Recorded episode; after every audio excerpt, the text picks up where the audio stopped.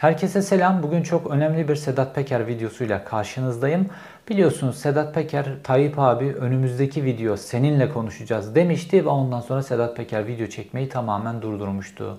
Bu videoda Sedat Peker'le Tayyip abisinin birlikteliği, geçmişi, işbirliklerinin başlangıcı, Tayyip Erdoğan'ın neden Sedat Peker'le işbirliği kurduğuna ilişkin çok önemli detaylar, çok önemli bilgiler bulacaksınız. Sedat Peker'in Tayyip abiyle ilişkisi aynı zamanda bizi gezi sürecine götürecek, Koç grubuna götürecek, Taksim otellerine götürecek, Azerbaycan petrollerine götürecek, MHP ülke ocaklarına götürecek ve Devlet Bahçeli'nin alarm zillerini, Şenkal Atasagun'un alarm zillerinin çaldığı noktaya götürecek ve Süleyman Soylu'nun Sedat Peker'e nasıl bir kumpas kurduğuna ilişkin bütün detaylara götürecek. Yine bilgi dolu, yine dop dolu bir videoyla karşınızdayım.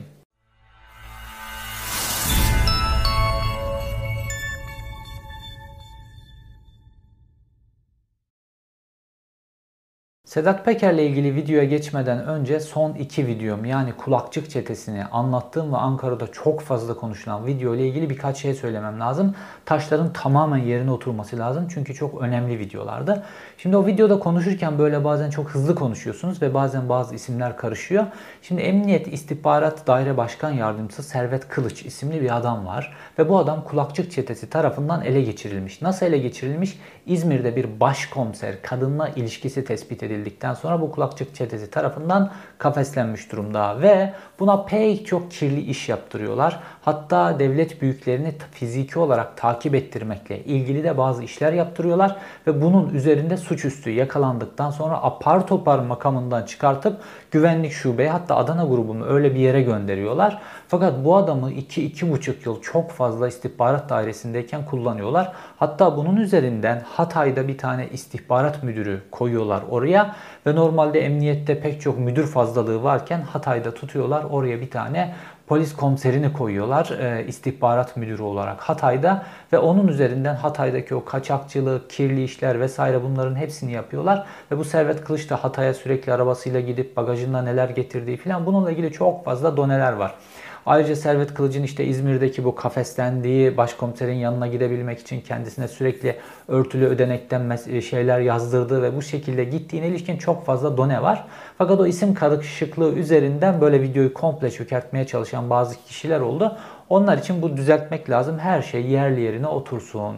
Bir de Cemil Cem, Cem Cemil diye bir adamdan bahsetmiştim.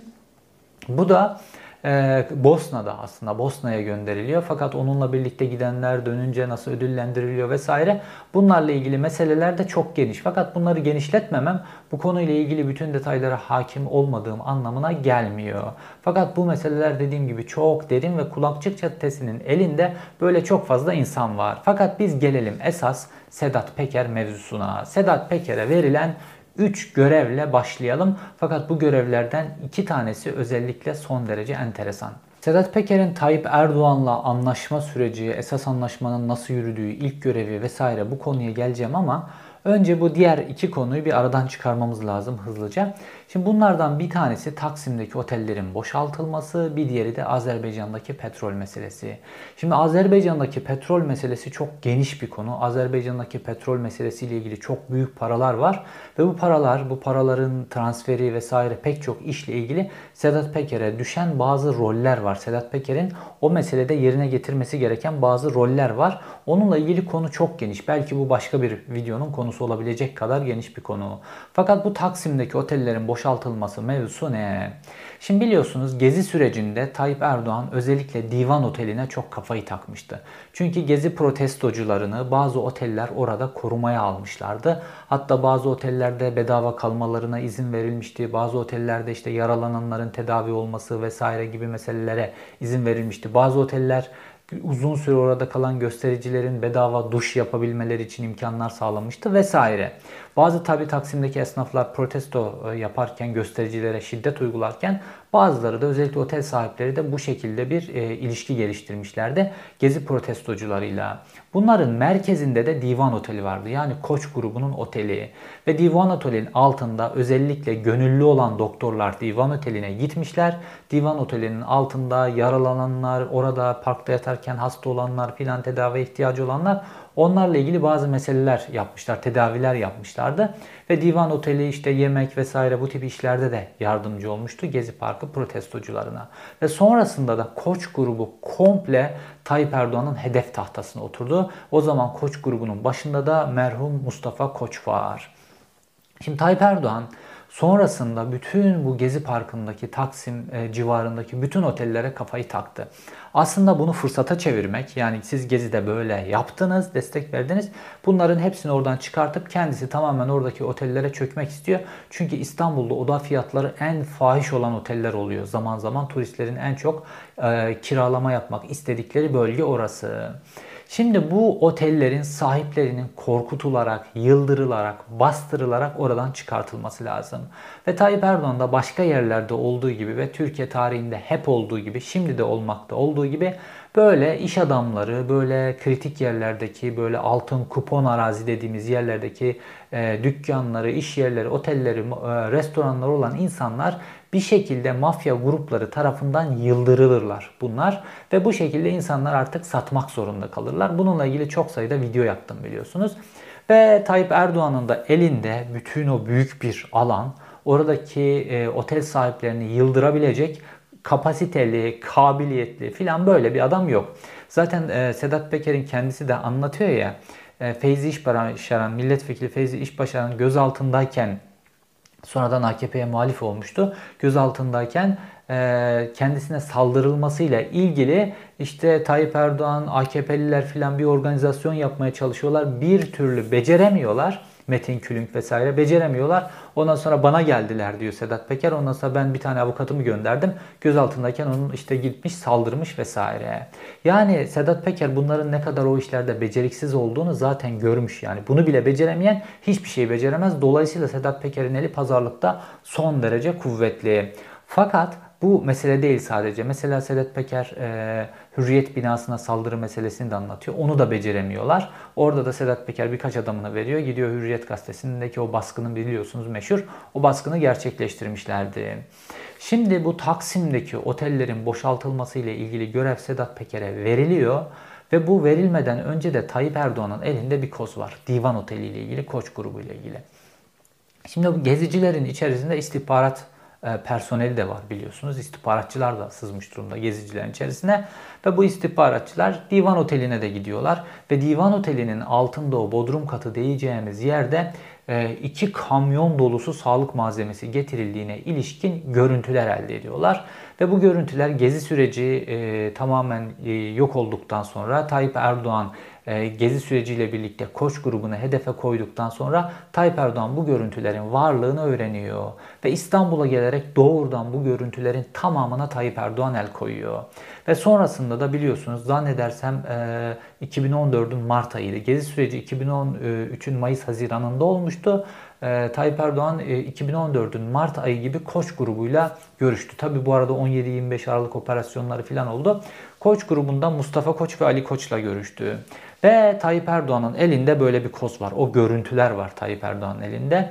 Tayyip Erdoğan belli ki bu görüntüleri tuttu, medyaya vermedi. Normalde Tayyip Erdoğan bunu hemen medyaya verir ki o günlerde işte e, başörtülü bacıya saldırdılar, işte üzerine işediler, oldular, bu oldular diye pek çok yaygara yapmıştı. Onunla ilgili hiçbir görüntü yok. Bu yaygarada işte bu görüntü çıkmaması ile ilgili muhalefet çok fazla yükleniyor. Tayyip Erdoğan bu görüntüyle normalde bir e, şekilde de olsa baskın çıkabilirdi. Fakat bu görüntüleri kullanmadı Tayyip Erdoğan. Bu görüntüleri kime karşı kullandı? Koç grubuna karşı kullandı ve emin olun Koç grubuna çok sağlam bir fatura kesmiştir Tayyip Erdoğan. Çünkü onun öncesinde de Gezi sürecinden sonra Koç grubunun çok önemli yatırım yaptığı, ARGE yatırımı yaptığı Milgem projesi vardı. Milli Gemi projesi. Bu iptal edildi. Koç grubu o projeden tamamen atıldı. Sonrasında Tayyip Erdoğan'ın karşısına yine de Koç grubu boyun eğmedi. Fakat 17-25 Aralık'ta olduktan sonra Tayyip Erdoğan ipleri tamamen eline aldıktan sonra Koç grubundan gerçekleştirilen bu ziyarette Tayyip Erdoğan'ın masasında bu görüntüler vardı.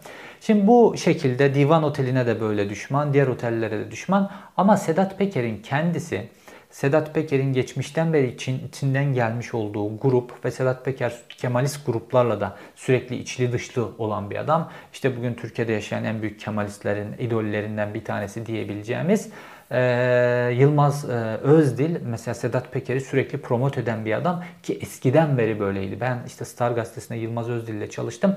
Ta 99-2000'li yıllarda Sedat Peker'in o çok genç olduğu zamanlarda Yılmaz Özdil Sedat Peker'i, Korkut Eken'i falan bunları çok fazla böyle e, över. Bunlarla ilgili tam sayfa haberler falan yaptırırdı. Dolayısıyla ilişkiler eski. Dolayısıyla Sedat Peker'in kendisi aslında o gezi sürecindeki o protesto eden grupların geneline Sedat Peker karşı değil aslında. E, fikriyat olarak, orijin olarak. Onlar içerisindeki bazı sol gruplar var vesaire bunlara karşı olabilir ama genel olarak böyle bir karşıtlığı yok. Çünkü Kemalistler de çok büyük bir gruptular Gezi Parkı e, süreçlerinde. Ve Sedat Peker e, bu görevi yani o otellerin yıldırılması görevini Tayyip Erdoğan cenahına göre beceremedi. Fakat Sedat Peker'in bunu muhtemelen Sedat Peker bunu yapmadı.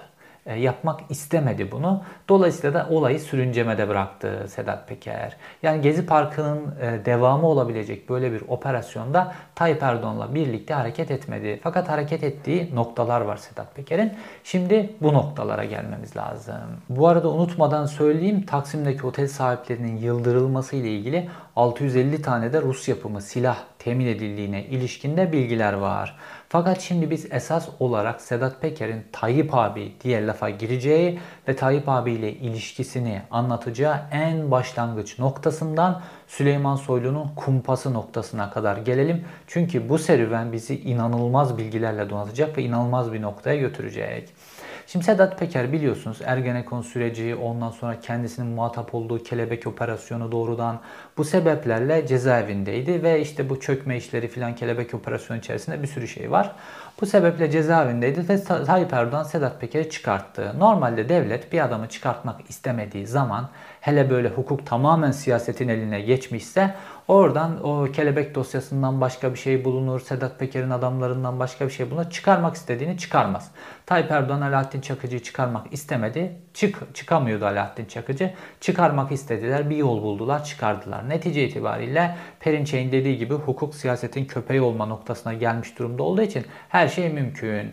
Tayyip Erdoğan Sedat Peker'i çıkartırken kafasında bir proje var. Fakat Sedat Peker o günlerde bu projenin farkında değil. Çünkü projenin Sedat Peker'e sunuluş biçimi muhtemelen daha değişik vaziyette. Fakat proje gelip Milliyetçi Hareket Partisi'ni vuruyor. Şimdi Tayyip Erdoğan'ın şöyle büyük bir açığı var. Gençlik kolları ateşli, istediği zaman provokasyon yapacak, istediği zaman bir kısım insanları ezebilecek ve istediği zaman milliyetçi kesimin bütün nabzını tutabilecek bir gençliğe ihtiyacı var Tayyip Erdoğan'ın. Fakat partisinin bütün gençliği pıtırık kendi tabiriyle. Dolayısıyla bir türlü Tayyip Erdoğan'ın istediği kendisinin işte o Kasımpaşalı, bıçkın delikanlı olduğu yıllardaki tipte değil. Hatta Tayyip Erdoğan'ın belki bir gün bunu da anlatırız. İlk Refah Partisi'nde pozisyon elde ettiği, daha küçük yerel yöneticiden pozisyon elde ettiği yerde Tayyip Erdoğan belinde silahla gelip o pozisyon elde etmiştir. Yani olayın başlangıcında mafyavari gibi bir durum var. Tayyip Erdoğan'ın politik kariyerinin başlangıcında bunu bütün İslamcılar bilir. O ayrı konu. Neyse ona sonra geliriz. Şimdi Tayyip Erdoğan e, Milliyetçi Hareket Partisi'nin e, ülke ocakları gibi bir teşkilat kurmak istiyordu. Ve bu ülke ocakları gibi ateşli bir teşkilat kurmak istiyor. Alperen Ocakları, BBP'nin Alperen Ocaklarına çok kolay devşiririm diye düşünüyor. Ve Milliyetçi Hareket Partisi'nin ülke ocaklarında adım adım kendime çeker, orayı da eritirim. MHP'nin altını boşaltırım. Dolayısıyla MHP pazarlıkta eli çok boş kalır. Adeta kökleri kesilmiş bir ağaç gibi MHP ayakta durabilmek için bana muhtaç hale gelebilir diye bir proje yürütüyor. Şimdi Tayyip Erdoğan biriyle ittifak yaparken aynı zamanda da onu nasıl yerim diye o projeyi de birlikte geliştirir. Müttefik olan kişi beraber yürüyoruz diye düşünürken bir anda bakar ki sırtından hançeri yemiş. Şimdi MHP de tabi bu işlerde kurnaz. Özellikle Şenkal Atasagun yani Devlet Bahçeli'nin danışmanı, beyni ve Devlet Bahçeli'nin yöneticisi olan eski MİT müsteşarı Şenkal Atasagun da bu oyunu seziyor. Şimdi Tayyip Erdoğan şöyle düşünüyor. Hiçbir figür yok elimde ve ben böyle bir gençlik teşkilatı kuramam. Bunu kim kurabilir? Ve Tayyip Erdoğan bununla ilgili anket çalışması yaptırıyor. Biliyorsunuz her konuda anket çalışması yaptırır Tayyip Erdoğan. Ve bu tip bıçkın, milliyetçi, gençlerin idol olarak gördüğü kişi birinci sırada Sedat Peker, ikinci sırada Alaaddin Çakıcı çıkıyor.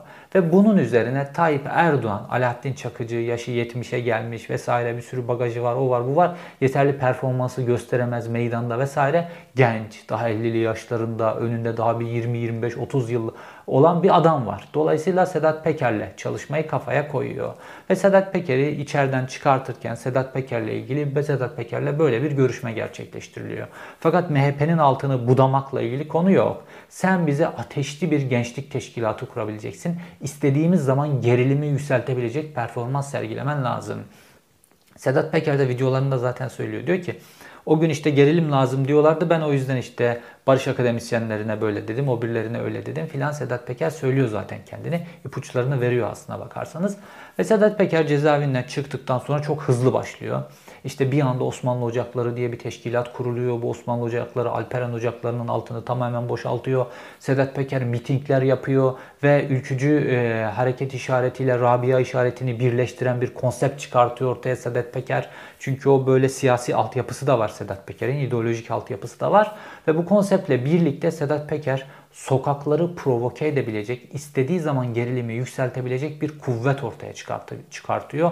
O mitinglerdeki gençlik, bütün gençliğin AKP'ye doğru kaymasına neden oluyor. Ve bu süreçte de aynı zamanda bunu desteklemek için de Tayyip Erdoğan'a bir reis konsepti oturtuluyor. Artık normalde geçmişte AKP'nin ilk yıllarında bütün AKP'liler Tayyip Erdoğan'dan bahsederken başkan diye bahsederlerdi. Sonrasında bu reise dönüştü. Artık Tayyip Erdoğan'dan reis diye bahsedilmeye başlandı. Bu gençliği de aynı zamanda çekebilmek için. Ve e, Sedat Peker çok üstün performans sergiledi gerçekten. Mitingler yaptı, her yere gitti, sürekli sosyal medyayı çok iyi kullandı vesaire vesaire. Tayyip Erdoğan'ı reise dönüştürdü Sedat Peker. Çünkü kendisi reisti ve Sedat Peker Tayyip Erdoğan'a reis gibi davranınca Tayyip Erdoğan dolayısıyla bu referansla, bu kuvvetle hakikaten reis potasına oturdu bu gençliğin gözünde. Ve tabii bu ne yaptı? Aynı bu ters biçimde ülke ocaklarını damla damla eritmeye başladı ve ülke ocaklarındaki bütün o gençlik artık böyle konuşmaktan aciz Devlet Bahçeli'yi böyle başbuğ görmek yerine ondan sonra genç dinamik yanında Sedat Peker'de olan Tayyip Erdoğan'ı reis olarak görmeye başladılar ve ülke ocakları sürekli Adalet ve Kalkınma Partisi teşkilatlarına doğru kaymaya başladı. Eriş öyle bir boyuta geldi ki ülke ocaklarında adam bulunamaz hale geldiler. Bu günlerde işin içerisinden çıkmak için tabii Şenkal Atasagun da bunu görüyor. Şenkal Atasagun Milliyetçi Hareket Partisi'nin bugüne gelmesinde çok önemli bir beyindir. Milliyetçi Hareket Partisi'ni operasyonel parti olarak kullanmakla ilgili temel beyindir. Şimdi Milliyetçi Hareket Partisi'ni aslında ikiye ayırmak lazım. Bir normal işte milliyetçi duygularla MHP'ye oy veren böyle normal yurdum insanı diyebileceğimiz milliyetçi insanlar. Bir de MHP'nin böyle çok seküler, aynı zamanda çok aşırı devletçi ve böyle adeta bir klik gibi bir e, çevresi vardır. Bir çekirdek, çelik çekirdeği vardır. İşte Şenkal Atasagun, Devlet Bahçeli vesaire onlar o çelik çekirdeğin içerisinden gelirler. Fakat o geniş tabanı popülist söylemlerle yönetirler. Şimdi Şenkal Atasagun tabii bu durumu görüyor. Ve bununla ilgili bazı önlemler alınmaya başlanıyor özellikle teşkilatlarından çok fazla erime olan ülke ocakları başkanları işte çok haşlanıyor.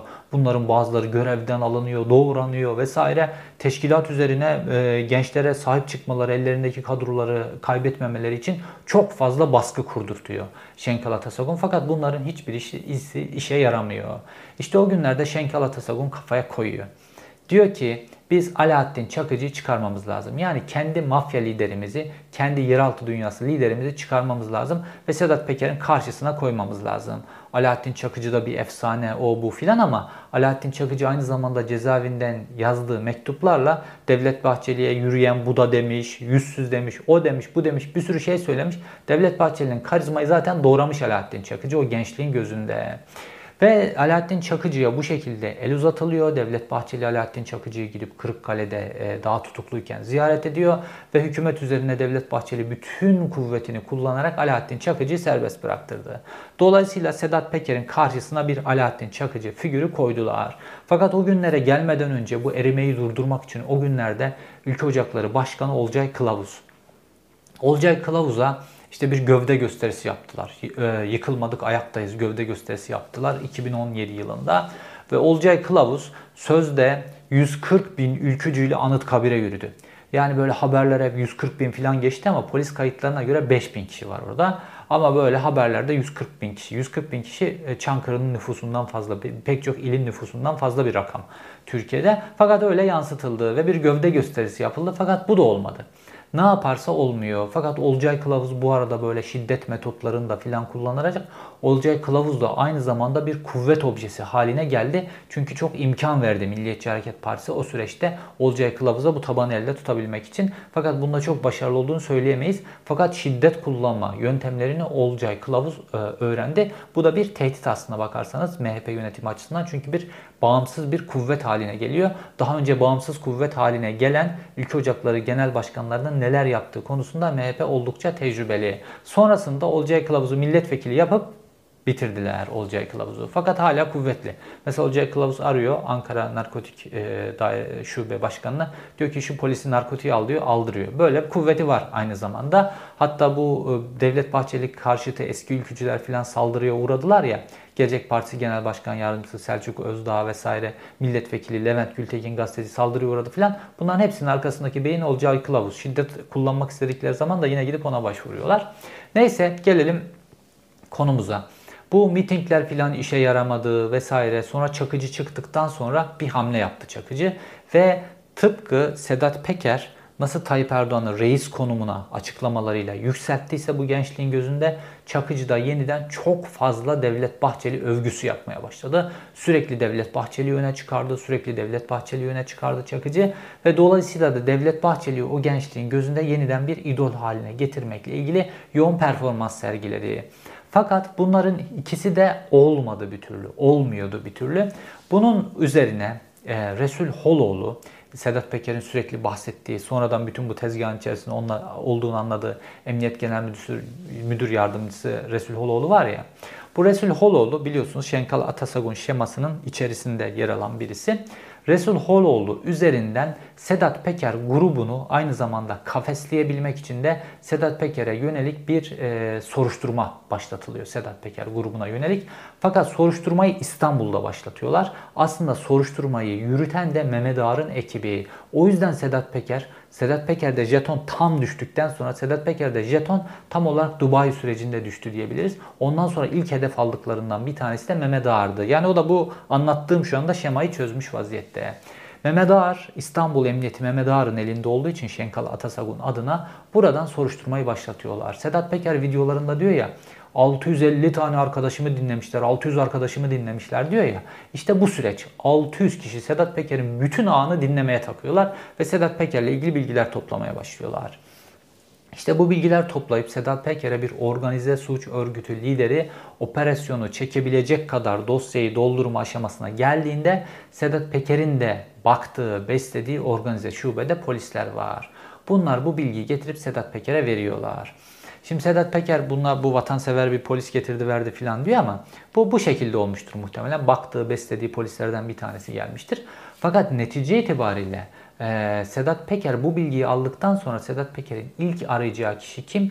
Yıllardır ta DYP Genel Başkanlığı döneminden beri destek verdiği DYP Genel Başkanı olmasını neredeyse sağladı vesaire kişi. Kim? Süleyman Soylu. Sedat Peker Süleyman Soylu ile kontağa geçiyor ve kendi anlatımlarında Süleyman Soylu ne diyor? Merak etme diyor bu işi halledeceğiz bir şey olursa ben sana haber veririm vesaire bu şekilde konuşuyor Süleyman Soylu ve dolayısıyla Sedat Peker rahatlamaya geçiriyor. Fakat Sedat Peker kendi bilgileriyle vesaire bu işin hiç de böyle olmadığını görüyor. Ve onu gördüğü aşamadan itibaren de Süleyman Soylu'nun kendisi de Sedat Peker'e kaç diyor. Şimdi ben bunu ta Sedat Peker Kosova'dayken anlattığımda Sedat Peker ben Süleyman Soylu'yu tanımam etmem filan demişti. Fakat sonrasında Dubai sürecinde Süleyman Soylu'ya geçmişten beri ne kadar samimi olduklarını kendisi anlattı. Şimdi Süleyman Soylu aslında bu e, işi çok istemese de Emir Büyükyer'den geliyor, Şenkal Atasagun'dan geliyor ve e, MHP'nin zayıflaması aynı zamanda Süleyman Soylu'nun da zayıflaması anlamına geliyor. Fakat e, Süleyman Soylu bir noktadan sonra satılabileceğini anlıyor. Ne zaman anlıyor? Sedat Peker Süleyman Soylu'yu vurmaya başladıktan sonra ondan sonra da Süleyman Soylu MHP ile ilgili bazı doneler elinde oluşturmaya başlıyor.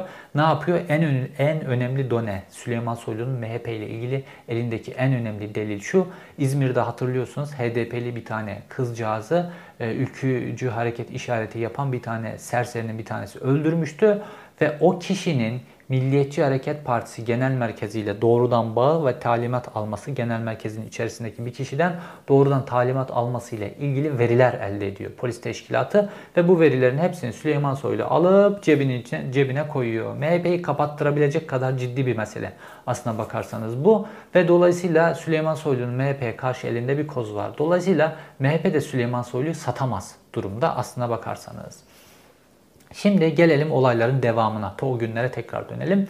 Şimdi Sedat Peker'i bir taraftan dinliyorlar. Dinledikçe bilgileri oluşturuyorlar. Kafesleme de bir taraftan ellerinde. Ve aslında Şenkal Atasagun'a bakarsanız Sedat Peker'in böyle kaçıp gitmesi Şenkal Atasagun'un tercih edeceği bir yöntem değil. Şenkal Atasagun'un tercih edeceği yöntem ülkede kalsın kafesleyelim bunu şeklindedir. Çünkü dışarıya çıktığında özgür olduğunda tehlike. Şenkal Atasagun'a kalsa sonra süreci böyle yürütmezdi. Fakat Süleyman Soylu'nun da kendi dengeleri olduğu için süreç biraz böyle yürüdü. Ve Sedat Peker e, yurt dışına gidebildiği, yurt dışına gittikten sonra da Sedat Peker olayı hemen çözemiyor. Kosova'daki videolarına bakarsanız benim o gün işte söylediğim Berat Albayrak e, Süleyman Soylu'yu e, Berat Albayrak Sedat Peker'i tutuklatacaktı. Süleyman Soylu bilgi verdi ve Sedat Peker uçtu şeklindeki o söylemlerin hepsi aslında Sedat Peker'in grubunun okuması. Yani Sedat Peker kamuoyuna bunu Süleyman Soylu'yu tanımıyorum dese de o günlerde aslında kendi adamlarının hepsini anlattığı versiyon buydu. Bu benim hakkımdaki aleyhimdeki İstanbul'daki dosyayı Berat Albayrak oluşturmuş ve Süleyman abi de işte Süleyman Soylu da ondan sonra kendisine bu bilgileri vermiş, kendisini korumuş, bu şekilde kurtarmış. Yani o günlerde daha o Kosova sürecinde ee, Süleyman Soylu'ya güveniyor Sedat Peker. Hatta bunu anlatıyor ya sen benim dönüş biletindim hani Mart 2020'de dönecektik falan diyor ya Sedat Peker. İşte bunların hepsi 2021'de bunların hepsi daha o günlerde Kosova sürecinde Süleyman Soylu'ya güvenmesiyle ilgili meseleler. Sedat Peker o günlerde konuyu çakazlamıyor. Yani daha Kosova sürecinde çakozlamıyor. Kumpasın ne kadar derin olduğunu çözemiyor.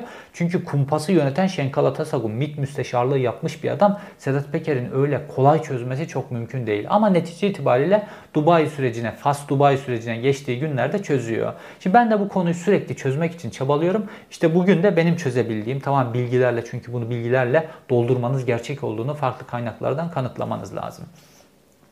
Şimdi e, Sedat Peker o Kosova'ya gittiğinde hala Süleyman Soylu tarafından bu şekilde yanlış bilgilendiriliyor. Fakat orada Kosova'da Berat Albayrak'la ilgili bir video çekti, bir şey çıtlattı. Ondan sonra yavaş yavaş hükümet Sedat Elbayrak'a, e, Sedat Peker'e ulaşmaya çalışıyor. Ve Sedat Peker'e ulaşmaya çalıştıktan sonra da hükümetten tarafından gelen bilgiler ya biz seninle ilgili bir dosya yapmadık. Tamam İstanbul Adliyesi Berat Albayrak'ın elinde ama biz seninle ilgili bir dosya yapmadık. Bu dosya emniyette oluşuyor filan bunu yapan Süleyman Soylu filan bak bu sana neler ediyor filan. Bu şekilde söyleniyor ama Süleyman Soylu ile Sedat Peker'in arasındaki ilişki çok eski, çok derin. Sedat Peker'in hemen buna inanması çok mümkün değil. Ee, o günlerde sonra bir ikinci bir video çekti işte bunu bana Berat Albayrak yapmamışmış bana böyle geldi filan diyor ama tam da emin değil orada. Fakat sonra Sedat Peker'in sürekli olarak, tarihsel olarak ilişkide olduğu işte bu Veli Küçük vesaire diyebileceğimiz klik var. O klikten beslemeler geliyor. Bu klikten beslemeler gelince Sedat Peker artık tamamen mutmain oluyor, emin oluyor. Çünkü Sedat Peker Tayyip Erdoğan'la bu ilişki geliştirdiği süreçte yani hapisten sonra ilişki geliştirdiği, ülke ocaklarının böyle altının boşaltılmasına neden olan ilişki geliştirdiği, meydanlarda miting yapmasını sağlayan, inanılmaz bir legalite, inanılmaz bir kuvvet sağlayan dönemde Tayyip Erdoğan'ın kendisine aktardığı bir güçtü bu. Aynı zamanda çok fazla para da akmaya başladı. Dolayısıyla Sedat Peker o eskiden beri ilişkide olduğu kliği ihmal etmişti aslına bakarsanız. Ve Sedat Peker artık tek dayanak noktasının o klik olduğu eski dostlardan başka dost olamayacağını anlayınca Veli Küçük kliğinin e, kliğine yeniden yaslanmaya başlıyor ve Veli Küçük kliği de zaten bu Mehmet Ağar, Şenkal Atasagun vesaire bu kliği sevmediği için olayların gerçeğini Sedat Peker'e beslemeye başlıyorlar. Ve diyorlar ki sana bütün bu tezgahı Süleyman Soylu, Mehmet Ağar, Şenkal Atasagun kurdular. Çünkü senin bu yaptığın MHP'nin altını boşaltıyordu. MHP'nin altını köklerini bu şekilde kesince de MHP Tayyip Erdoğan, MHP ağacı Tayyip Erdoğan'ın kucağına devrilecekti. Tayyip Erdoğan'ın uzun vadeli planı buydu. Şenkal Atasagun bu planı bozdu. Sana bu kumpası yaptı. Seni yurt dışına çıkardı. Dolayısıyla Tayyip Erdoğan'ın elinden bu e, avantajı almış oldular. çünkü Sedat Peker yoksa Tayyip Erdoğan'ın elinde böyle bir gençlik yok. Tayyip Erdoğan'ın böyle bir gençliği bir araya getirip böyle bu gençliği istediği zaman tansiyon yükselip provokasyonları da yapabileceği böyle bir potansiyel adamı yok. İslamcılar içerisinde böyle bir adam yok. Bu Sadat, Madat filan bunların hepsi e, hikaye aslına bakarsanız. Dolayısıyla bu şekilde doğru bilgilendirilince Sedat Peker Sedat Peker başladı Süleyman Soylu'yu dövmeye. İşte bir bahane lazımdı. Süleyman Soylu buna pislik demiş, olmuş bu olmuş filan ama o pisliğe gelene kadar ikisinin alttan alttan ikisi arasında nasıl kavga var ki olay artık birbirlerine gerçekleri konuşmaya başlıyorlar ki Süleyman Soylu'nun ağzından o pislik kelimesi çıkmaya noktasına kadar geliyor. Ve bu bahaneyi de verince ee, Sedat Peker'e ve kavga alttan devam ederken Süleyman Soylu bu sefer olayın dozunu bir adım ileri taşıdı. Sedat Peker'in hiçbir biçimde konuşabilmemesi için ailesine, bütün adamlarına vesaire bütün grubunu yok edecek ve mali kaynakları çekebile, kesecek şekilde bir baskıya başladı. Yani doğrudan bir şantaj gibi üzerine gitmeye başladı. Fakat Sedat Peker bunu yemedi. Ailesini ve çocuklarını İstanbul'dan kurtarana kadar bekledi, sustu, sabretti. Onları aldığı andan itibaren çünkü Sedat Peker biliyor ki bunlarla göğüs göğüse mücadele etmezsen, bunlar kadar cesur olmazsan bunların karşısında hiçbir şansın yok. Tayyip Erdoğan'ın karşısında da şansın yok. Şenkal Atasagun, Devlet Bahçeli, Süleyman Soylu ekibinin karşısında, Mehmet Ağar ekibinin karşısında da şansın yok. Dolayısıyla Sedat Peker klasik Kli'nin, Veli Küçük Kli'ne sırtını dayayarak hem Mehmet Ağar tarafına, e, Şenkal Atasagun tarafına hem Tayyip Erdoğan tarafına diş göstermeye başladı. Fakat Bunları yaparken Sedat Peker aynı zamanda da çok büyük suçları ifşa etmedi. Mesela Sedat Peker şunu söylüyor. İşte Kıbrıs'ta Kutlu Adalı diye bir gazeteci vardı. Bu gazeteci suikastle öldürüldü. Bu gazeteciyi öldürmekle ilgili talimatı Korkut Eken, Mehmet Ağar'ın, Şenkal Atasagun'un adamı Korkut Eken getirdi bana verdi. Ben de kardeşimi bu işle ilgili görevlendirdim. Kardeşim gittiler Korkut Eken'le beraber gazeteciyi öldürmeye. Fakat o gün program uymadığı için gazeteci istenilen yere gelmediği için başarılamadı. Sonra geri döndüler. Fakat sonra Korkut Eken beni aradı dedi ki o iş tamamlandı, o işi hallettik dedi. Ve Sedat Peker öğreniyor ki o gün e, Kutlu Adalı gazeteci Kutlu Adalı öldürülmüş. Şimdi burada ne anlattı Sedat Peker? Kendisine bir talimat geliyor, suikast talimatı. Bu suikast talimatı yürürlüğe konuyor fakat başarılı olmuyor başarısız bir suikast e, girişimi. Dolayısıyla üzerinden de zaman geçmiş, zaman aşımına bitmiş. Yani işledi, işlemediği suçu anlattı. Çok önemli bir ifşaat fakat işlemediği suç. Sedat Peker işte Feyzi İş, milletvekili Feyzi İşbaran'a, Başaran'a saldırıyı anlattı fakat yaralama, basit bir şey filan. Sedat Peker kendisinin dahil olduğu derin devlet adına işlediği cinayetler, provokasyonlar filan bunlarla ilgili geri dönüşünü engelleyecek çok büyük ifşaatlarda bulunmalı. Oysa Sedat Peker, Veli Küçüklerle, Korkut Ekenlerle neler çevirdi neler 90'larda, 2000'lerde filan.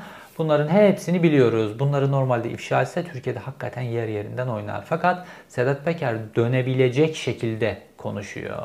Şimdi Sedat Peker 50'li yaşlarda karşısına koydukları e, Alaaddin Çakıcı 70'li yaşlarda. Sedat Peker öyle Alaaddin Çakıcı'dan korktuğu için Türkiye'yi terk etti filan bunlar doğru değil. Öyle bir korkusu yok Sedat Peker'in. Gençlik onda, e, Sedat Peker'de e, ondan sonra sokakları istediği gibi organize edebiliyor. Mesela Alaaddin Çakıcı'nın öyle mitinglere çıkıp konuşabilecek böyle bir yeteneği yok. Alaaddin Çakıcı klasik olarak kuvvetini hep Milli İstihbarat Teşkilatı'ndan almıştır. Arkasında Milli İstihbarat Teşkilatı olmadığı zaman Alaaddin Çakıcı çok kuvvetli değildir. Ve Alaaddin Çakıcı da bugününe baktığımızda Alaaddin Çakıcı'nın öyle çok fazla e, dozu yükseltmiyor Alaaddin Çakıcı. Çünkü devlette geçmişte devlette çok işbirliği yapınca başlarına neler geldi filan Alaaddin Çakıcı da bu konuda tecrübeli. Hatta Adalet ve Kalkınma Partisi'nin ne bir darbe girişimi yapmakla ilgili 2003-2004 yıllarında 2005 yıllarında hatta 2003, 2004, 2005'te böyle bir hazırlıklar olmuştu işte. E, biliyorsunuz o zaman işte Hurşit Tolonlar, Şener Er Uygurlar filan bunlar çıktı bunların hepsi. O zaman işte dönemin Genelkurmay Başkanı Hilmi Özkök karşı koymuştu bunlara. Fakat o dönem Milli İstihbarat Teşkilatı Başkanı Şenkal Atasagun ve Şenkal Atasagun da askerlerle birlikte Adalet ve Kalkınma Partisi'ni devirmek isteyen birisi. Yani MIT'in istihbarat gücünü bunlara veren birisi. Fakat Şenkal Atasagun bu süreçte diyor ki ya sokaklarda da bir şeyler yapmamız lazım. Bu sokaklarda bir şeyleri de Alaaddin Çakıcı üzerinden yapmamız lazım. Fakat Alaaddin Çakıcı o günlerde cezaevinden Şenkal Atasagun'u aslına bakarsanız oyalıyor. Çünkü devlet de bu tip işlerden başına neler gelmiş yıllardır cezaevinde falan oyalıyor, geçiştiriyor. Şu anda Alaaddin Çakıcı da Devlet Bahçeli'yi övse vesaire de bu tip böyle devlet kapsamındaki kirli işlerle ilgili Alaaddin Çakıcı bir oyalama stratejisi güdüyor diyebiliriz. Fakat Sedat Peker daha genç, daha post Tayyip dönemi, Tayyip Erdoğan sonrası dönemi olacak. Tayyip Erdoğan'la da ilişkileri tamamen koparmadı. Sedat Peker eninde sonunda dönecek Türkiye'ye.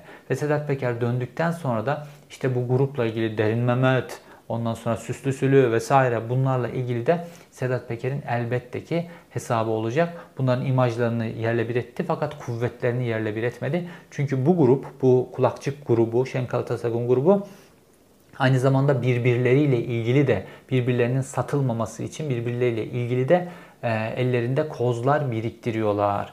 Tıpkı Süleyman Soylu çünkü öyle bir noktaya getirdi ki Sedat Peker Süleyman Soylu artık sırtta kambur olmuştu Süleyman Soylu. MHP de o kamburu atmak istiyordu. AKP zaten atmak istiyor o kamburu. Fakat Süleyman Soylu o sırada öyle bir hamle yaptı, öyle şeyler biriktirdi ki eline Süleyman Soylu MHP'de yiyemez hale geldi. Dolayısıyla Süleyman Soylu MHP'nin desteğiyle pozisyonunu korudu.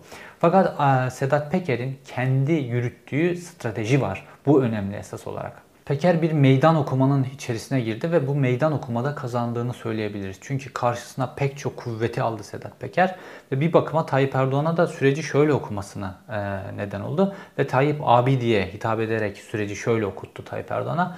Bak sen de biliyorsun bu Şener, e, Şenkal Atasagun, Devlet Bahçeli, Mehmet Ağar, Süleyman Soylu bunlar emniyet teşkilatını tamamen ele geçirdiler. Sana rağmen operasyonlar çekiyorlar filan. İyi güne gelecek seni de yiyecekler ve sen bunlara karşı açıktan hiçbir şey yapamıyorsun MHP'ye MHP mecburiyetinden dolayı. Fakat bak ben tek başıma Bunların hepsini Mehmet Ağar'ı, Süslü'yü, bunların operasyonları, ayaklarını nasıl dövdüm, nasıl hırpaladım, bu kliğin oyununu, düzenini nasıl bozdum? Çünkü bu klik Süleyman Soylu'yu Türkiye'nin gelecek 50 yılına damga vuracak tıpkı Süleyman Demirel gibi bir siyasetçi olarak hazırlamıştı. Ve Süleyman Soylu'nun imajını çok yükseltmişlerdi. Olay sadece Tayyip Erdoğan'ın ipini çekmeye kalmıştı. Fakat Süleyman Soylu'nun şu an imajı öyle bir halde ki bu klik siyaseten böyle bir hamle yapamayacak noktaya geldi. Dolayısıyla çok fazla zaman kazandırdı Tayyip Erdoğan'a Sedat Peker. Aynı zamanda kendi e, Veli Küçüklerden beri sırtını dayadığı kliye de yeniden Tayyip Erdoğan'la pazarlık yapma fırsatı verdi. Bunu Yüksek Askeri Şura ile ilgili videomda 2021 yılının en önemli videosu diye paylaştığım videoda zaten anlatmıştım. Ondan sonra bu klik pek çok Türk Silahlı Kuvvetleri'ndeki pozisyonunu bu pazarlık sayesinde koruyabildiler. Dolayısıyla Sedat Peker hala kuvvetli pazarlık masasında ve hamleleri değiştirebilecek bir gücü olduğunu kanıtladı. Ve bunun karşılığında işte emniyet teşkilatı ellerinde, MİT'te gücü var Şenkal Atasagun'un bir belli bir kuvvette. Buna rağmen Sedat Peker'i Birleşik Arap Emirlikleri'nden alıp getiremediler. Şimdi Tayyip Erdoğan gidiyor 10 milyar dolar getiriyor. Fakat Sedat Peker getirilemiyor bir türlü. Demek ki Sedat Peker'in kalibresi 10 milyar dolardan daha yüksek. 10 milyar dolar bile geliyor. Sedat Peker bir türlü gelmiyor. Bu videoda Sedat Peker'le ilgili pek çok konuyu artık kafamızda daha net oturabilecek e, noktaya getirdiğimizi düşünüyorum. İzlediğiniz için teşekkür ederim. Bir sonraki videoda görüşmek üzere.